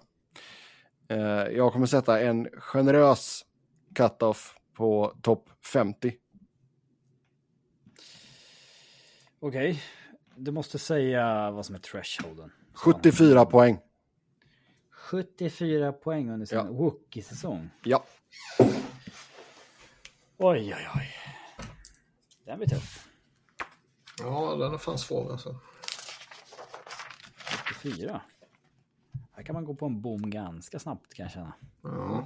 Det är tur att man har en, eh, en lifeline.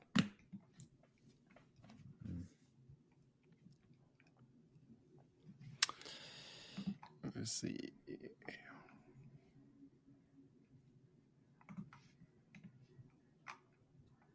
Mm. Eh, Niklas börjar, för han är äldst. Då säger jag väl uh, Ovechkin. Ja. Han är fyra på listan. Han gjorde 106 poäng under sin första säsong.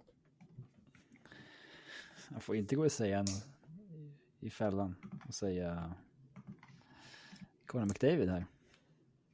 Jag såg ju Brandon Manning till. Det enda bättre han gjorde i Flyers tror jag. Eh, jag säger Crosby. Sidney Crosby. Han gjorde 102 poäng, så han är sexa på listan. Då säger jag Gretzky. Det är Gretzky. tyst för han kollade på någon konstig lista där han inte är med för han räknades inte som rookie. Exakt. Och, ja. Exakt. Ja, det är bara skitsnack. Det vet du ju. Ja, så visst, då är det 51 spelare då. ja, det är klart Gretzky är med på hans, på, Han är ju inte med som sagt så, men ja, hans första säsong. Så, ja. Tror jag i alla fall. Han måste ha varit poängbäst då. Eh, Jag vet inte om han var poängbäst, men liksom 70, vad sa du, två poäng eh, garanterat. Typ eh, jo, men alltså detta är ju de som hade... poäng mer än det. Detta är, ja. Ska vi se här nu, Wayne Gretzky. Vad gjorde han sin första säsong i NHL? Alltså... Det, men, det blir en väldigt stor gissningslek det här bara. Mm, det, det stämmer bra. det är svårt att veta vem som hade en...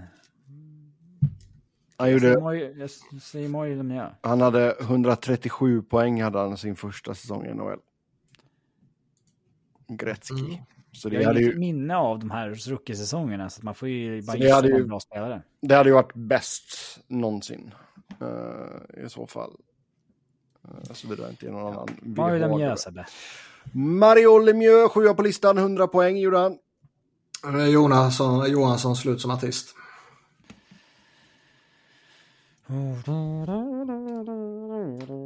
Ja. ehm, Vad sa du? Mario Lemieux. Ja, han är sjua. Limoiwex. Steve Userman säger jag då. Steve Eisman, ja, 16 på listan. Han gjorde 87 poäng på 80 matcher. Uh. Ja, jag får väl gissa på en Sakic kanske. Du gissar på en Sakic kanske? Jag har ingen aning. Nej, Sakic inte med. Då var det någon som var bättre det. Nu ska vi se. Alltså, man, okej, man är bara med på listan om man vann det året. Ja, det är det jag försöker lura. 50 bästa. Det är det jag försöker lura ut här. Försöker klura ut här nu. Ja. Alltid bra när det här görs mitt i tävlingen. Fan, vänta. Ska vi se. Uh. Ska vi se. Ja, men då får jag säga ett annat namn. Fan. Ja, vänta. Ja, men då ska fan. Då ska man veta vilket år de här med. Fan, fan, det här blir ju svinsvårt. Ja, han gjorde bara 62 poäng. Sopa. Ja, så då är, det inte, då är det inte per säsong, utan då är det... Då är det oavsett. Han var bara inte med helt enkelt. Nej, han var bara inte med helt enkelt. Okej, då är jag bommat då. Ja.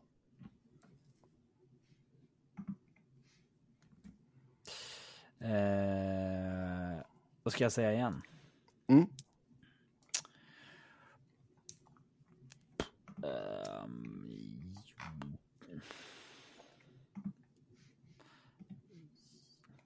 det är svårt att veta vem som... Alltså, det är många som exploderar år två. Mm. Av de gamla stora. Ehm, men jag säger kanske Jager då kanske. Du säger kanske Jager. Nu ska vi kolla här. Jager är inte med. Nu måste jag dubbelkolla här också. Nu ser. Jaromir Jagr. 57 poäng sin första säsong. Ja, hade för mig att det kunde varit något sånt. Mm. Så att, eh, kort tävling. Ja, Den är ju svinsvår. ja, Alltså extremt svår. ja. Eh, Timo Sellene, 132 poäng. Mm. Han kom jag på att tänka på nu innan du Det sa var han det. jag- Han gjorde 76 mål, så det... Mm. Det var han jag hade tänkt säga. Joe You know, 121 poäng. Peter Stastny, 109. Dale Haverchuck, 103. Neil Broughton, 100. Joe Newendike, 98. Barry Peterson, 97. Där har ni topp 10. Jag tror inte man skulle slängt upp ett enda av de namnen. Men Men annars har vi ju, vad har vi? Vi har eh, Mike Bossy. Vi har eh, Sergej Makarov, Evgenij Malkin, Brian Leach, Matt Barzal, Luke Robertal, Jeremy Roenick, Bernie Nichols, Mikael Renberg. Sergej Fedorov, Alexei Yashin, Det var ju en rätt så absurd pingpong. Det, det var ju några man var liksom... Ovechkin Crosby visste man, Gretzky Lemieux visste man. Liksom. Iceman var jag tämligen säker på. Jag var tämligen säker på Joe Sakic också. Eric Lindros, Jari Ja, man antar det bara. Ja. Alltså, det, det, det är väldigt svårt att minnas om de här fantastiska spelarna hade en exceptionell rookie-säsong eller inte. Ja. Mm. Japp, japp, japp. Så var det med det i alla fall. Eh, då har vi eh, några lyssnarfrågor här. Vilka är ni förvånade över att det gick igenom waivers? På den här 8 oktobersdagen när alla går igenom waivers. Mm. Var det något namn som stack ut där tycker du?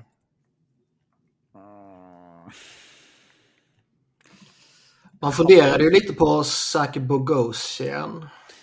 Ja. Inte för att jag tycker han... Ja, inte för att jag tycker han är överjävligt bra, men han kostar så Ja, men om- lite. Och han har ju den där ryktet liksom. Om Luke Chen var så jävla attraktiv för att han var billig så... Mm.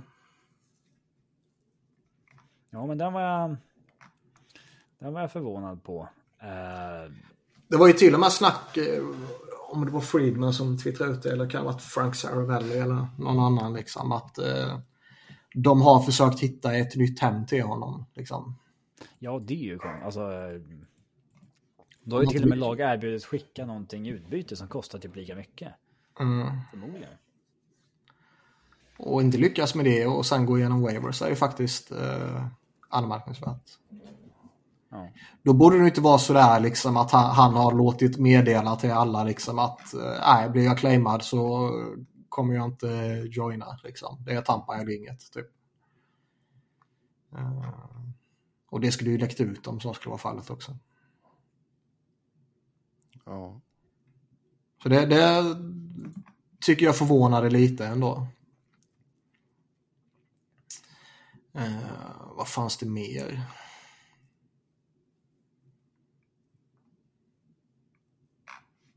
Det var väl inga... Vinny Hinestrosa. Jag vet inte.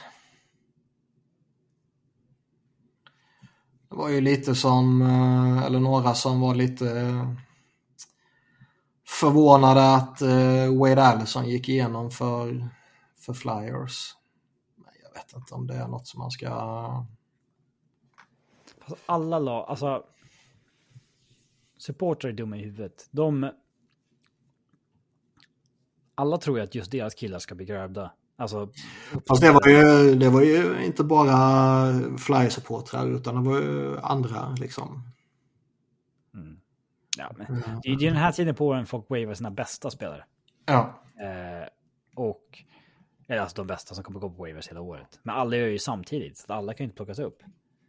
Eh, att, En, en intressant aspekt är ju att eh, Flyers har ju valt att behålla tre målvakter på rosten. De har ju både Carl Hart, Samuel Ersson och Felix Sandström. Mm. samma med Avs. Mm. Men liksom John Tortorella har ju redan meddelat till media att Samuel Ersson har vunnit jobbet som andra målvakt. Så det är inte så att det fortfarande finns ett battle där liksom. Så antingen är det ju någon som dras med någon skadeproblem och kanske är lite osäker. Så där som man bara behåller Sandström för liksom säkerhets skull under någon kort period liksom.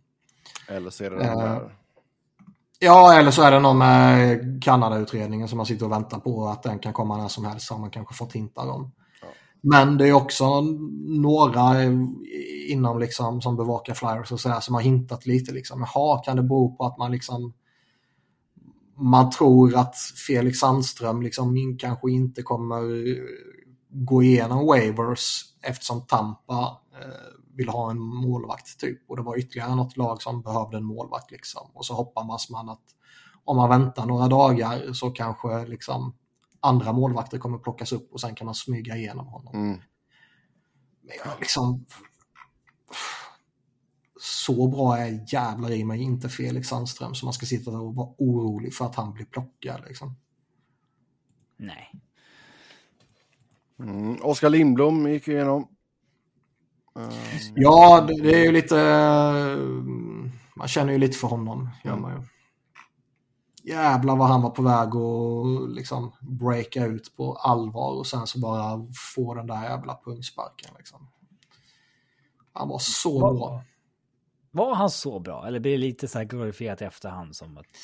Det är klart att det blir lite glorifierat men han var ändå liksom, det här var ju när, liksom innan Flyers började krascha och eh, när man fortfarande var relevanta. Det var ju in, innan covid där liksom. Så han var ju på väg att breaka och han var ju lagets bästa målskytt när han... Eh, eh, Fick förhandsbesked eller? Ja. Det var väl den... Det var väl bubbelsäsongen, Eh, har jag för mig. kanske det. Och då var ju, då var ju alltså den som avbröts efter typ 70 matcher eller vad det var. På grund av pandemin. Och den säsongen var ju, Flyers var ju skitbra den säsongen. Han spelade två slutspelsmatcher i bubblan. Ja, han kom ju tillbaka i bubblan där. mm. Det stämmer. Så han, han var ju verkligen på väg att lyfta där liksom. Och sen visst, han var ju inte på väg att lyfta till liksom... Han spikade ju eh, typ tre poäng. ja. ja. Ja, visst. Det... Men han var ju inte på, han var inte på väg att lyfta till liksom att, eh, ja du vet, nya Claude Drew eller något sådär givetvis. Men, men ändå bli betydligt mycket mer än vad man förväntade sig av honom när han draftades i femte rundan. Liksom.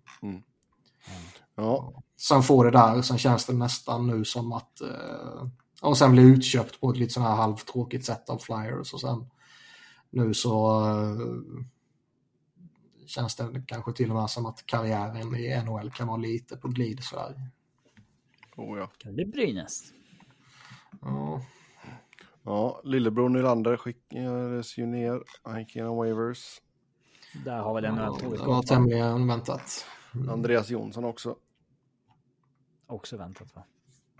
Tog in så många spelare i Pittsburgh. Alltså jag, att de fick en plats. Det var ju... Ja jävlar det konkurrens. nej, jag vet inte vad, alltså, vad som har hänt med Andreas Jonsson faktiskt. Är det något som har hänt med honom? Nej, nej, men alltså jag menar att det har gått, att han inte kan ta en plats Alltså- liksom. Alltså, han- ja, jag vet inte. Problem... Du var inne på det här att det var kontraktet som var problemet, inte spelaren. Ja, fast nu bör det ju inte vara det. Nej, eh, men... Fan, jag är ändå säsong i Devils med 35 poäng. Ja. Och sen eh, Annars- efter det är han personen non grata liksom. Mm. Eller ja, han... Det är väldigt konstigt faktiskt. Men, men. men Dennis Gurianov clearade ju. ja, men det var länge sedan han var intressant. Ja. Ja, men han har fan fallit hårt alltså. Ja, men det var ju en liten flash in the pan bara. Jo, men det var ändå liksom en, eh, en schysst grundserie och sen så ett jävla imponerande slutspel och sen så ändå liksom okej efter det. Eh, och sen så har han bara liksom blivit ingenting. Ja. Det, det är väl inte förvånande att han clearade, det är bara mer fascinerande hur han bara har fallit av. Liksom. Ja. Eh, sen, vilken hade varit er drömtrade? Gärna någorlunda realistisk. Ja, jag vet. Carter Hart mot Leon Draisaitl. Något Och så kanske man får, och så kanske man får slänga in kanske eh, Jack Campbell.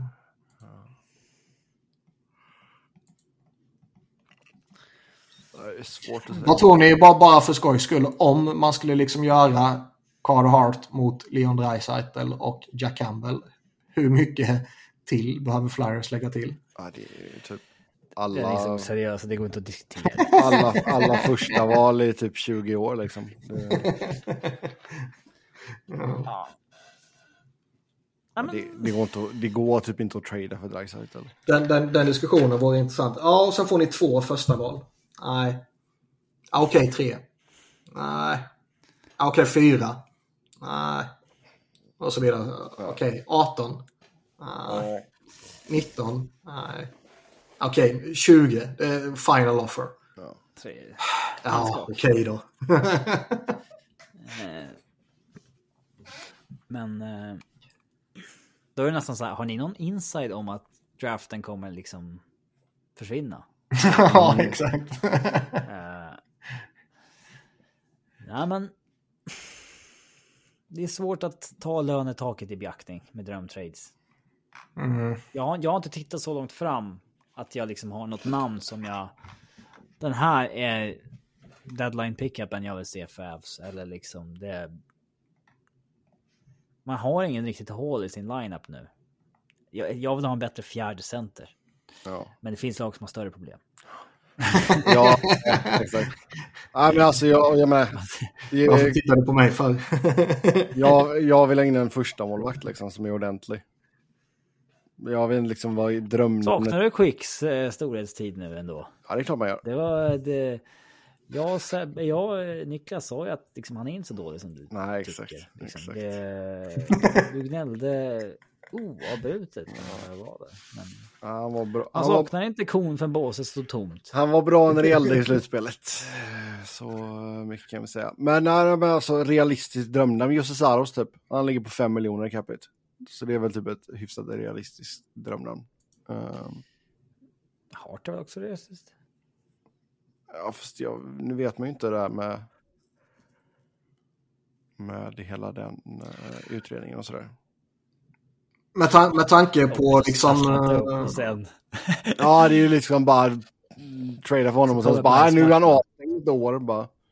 Plus att det Ja, kommer men fram alltså, att han är ett det- skulle ju liksom baserat på hur NHL hanterar alla andra saker så skulle det ju bli chockerande om det blir någon längre avstängning för de som var involverade. Och liksom, jag tycker, vi har ju pratat om det tidigare, det, det är liksom brutalt äckliga, hemska saker om allting stämmer. Liksom. Förkastliga människor som har genomfört det. Liksom. De borde bara liksom, slängas rakt åt helvete. Men eh, med tanke på att man aldrig har agerat på något sätt tidigare och med tanke på att man precis eh, i dagarna nu har visat att man återigen har liksom en helt obefintlig moralisk kompass när man förbjuder liksom eh, pride tape för, för spelare. Liksom. Så, ja, det är eh, fan det stördaste på länge de har gjort. Ja, jag, jag, jag skulle bli så jävla förvånad om de liksom det här är liksom grejen de sätter ner foten på och de gör det på ett sånt exceptionellt hårt sätt. Liksom. Ja, alltså med tanke på hur mycket skit Att han det fick blir- för Chicago-grejen så... Ja, men liksom Chicago fick liksom Var det några miljoner i böter? Eller var det bara någon enstaka miljon? Nej, det kommer jag inte ihåg. Det var ju liksom på den nivån. Ja. Det var liksom Arizona fick ju en värre bestraffning Ja, för ja, att ja. de liksom Oh ja. plockade in lite prospects till att göra separata tester. Liksom. Och New Jersey straffades ju hårdare med Ilja Kovalchuk-kontraktet. Liksom. Mm. Eh, det skulle förvåna mig, jag, jag tycker givetvis det vore rätt om de här skulle straffas, men det skulle förvåna mig jättemycket om de, de blir det så hårt som vissa pratar om. Liksom.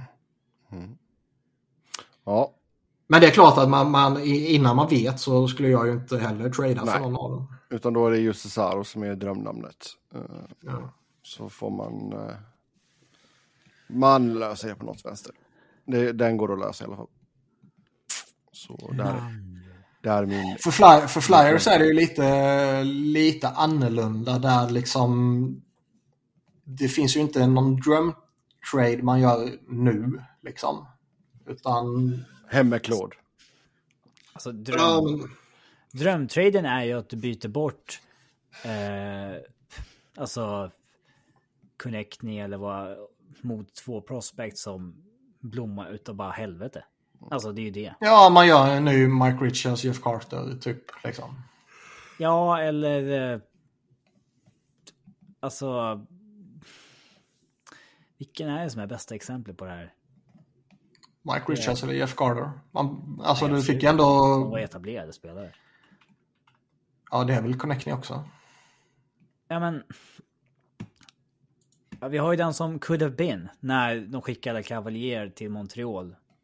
Och Montreal är redo att skicka Subban, Pacioretty och McDonough, va?